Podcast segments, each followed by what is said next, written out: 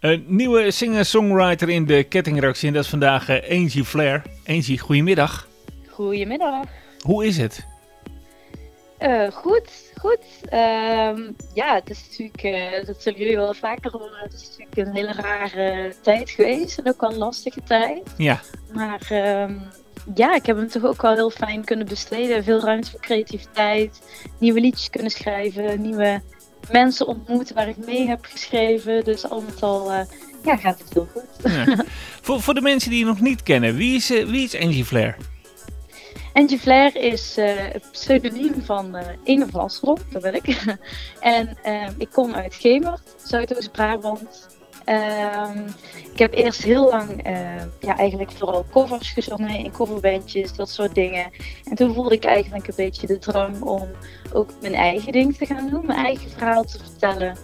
Um, ja, en dan was het een beetje de zoektocht van ja, hoe moet dat dan gaan klinken? Ja. En uh, ik ben altijd wel fan geweest van uh, country muziek. Ook uh, Ilse de Lange heb ik heel graag geluisterd. En toen ben ik een beetje gestuurd op de stad Nashville en de muziek die daar wordt gemaakt. De moederstad van de country muziek. Ja.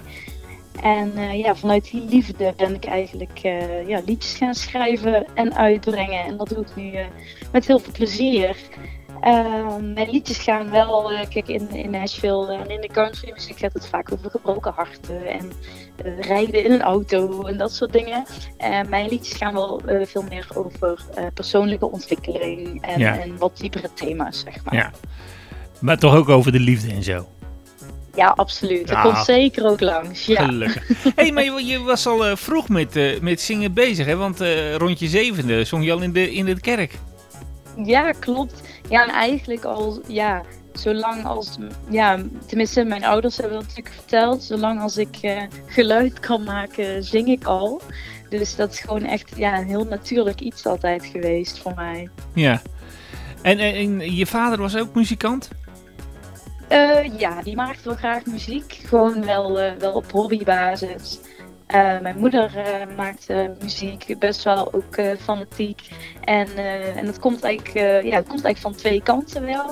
En, en mijn opa was vroeger beroepsmuzikant, speelde trompet. Dus daar komt het ook heel erg vandaan, die liefde. Dus je komt wel uit een, zeg maar, een muzikaal gezin? Ja, ja, bij ons was dat gewoon heel normaal dat muziek werd gemaakt. ja. Hey, even heel wat anders. Je, je hebt geprobeerd om bij verschillende muziekacademies aan te kloppen, maar dat is niet helemaal gelukt, geloof ik. Klopt, ja, dat, is, dat was toch wel iets, ja. ja. Het was gewoon altijd al mijn droom om uh, professioneel uh, zangeres te worden. En uh, ja, in mijn ogen was die weg toch wel via een opleiding. Maar ja, echt heel veel geprobeerd, allemaal afgewezen. Maar ja, ik geloof er ook al in dat dat een reden heeft, zeg maar. En dat ik gewoon een andere weg heb kunnen gaan. Dus ik ben wel echt super blij met ja, waar ik nu toch sta. Ja hey, we gaan even wat van jouw idool draaien, Carrie Underwood. Ja. En, en, dan ga ik het zo meteen hebben over je nieuwe single. Ja, leuk. Jenny grew up wild like a Blackfoot daisy Out in the shack with a blue tick hound Broke as hell, but blessed with beauty The kind that a rich man can't turn down. She caught the eye of an oil man dancing One summer night in a dime store dress. She had the looks, he had the mansion And you can figure all roses, dripping in diamonds Sipping on champagne she was all uptown, wearing that white gown, taking his last name. She could hear those church bells ringing, ringing. And up in the loft, that whole choir singing, singing. Fold your hands and close your eyes. Yeah, it's all gonna be alright. And just listen to the church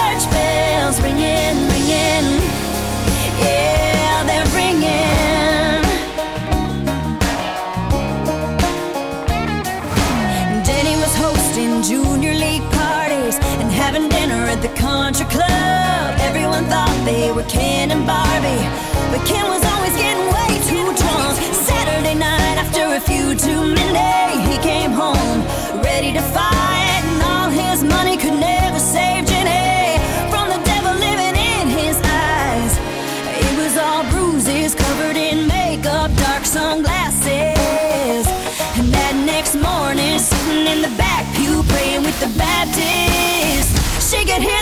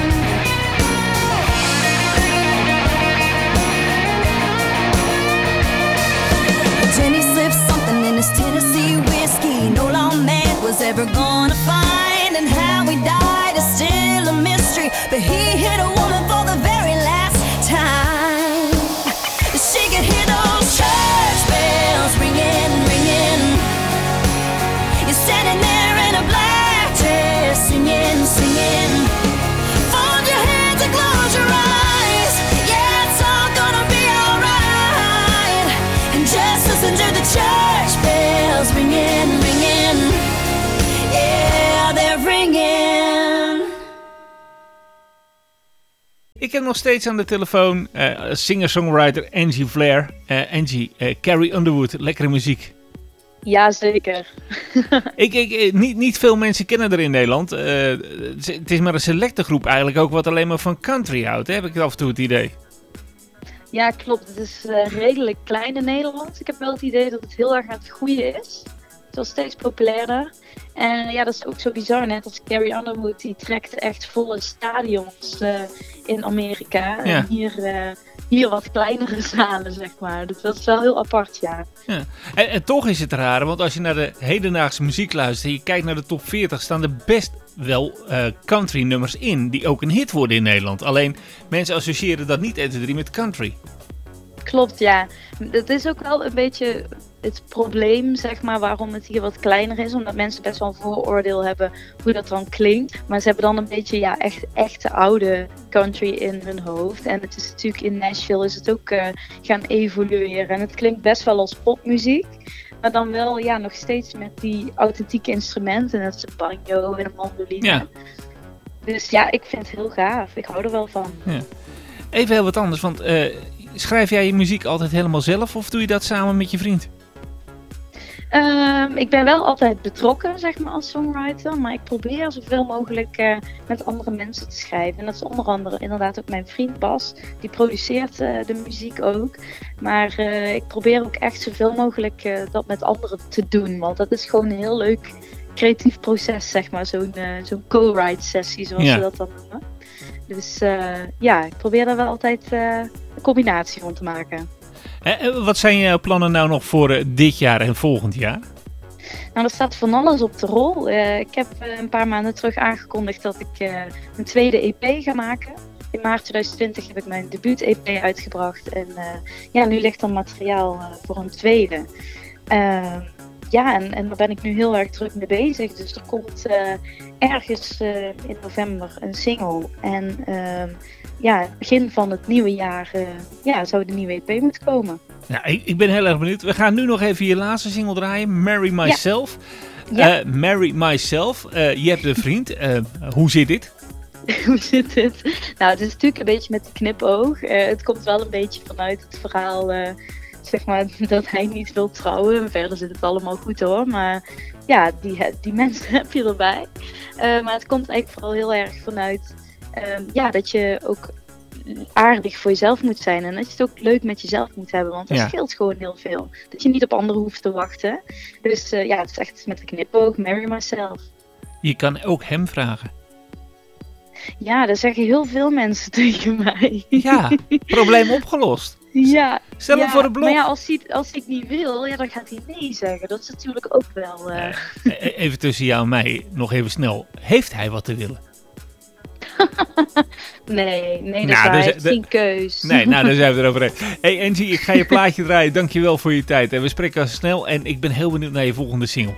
Leuk, jij dankjewel ook voor je tijd. Graag gedaan. Fijne middag.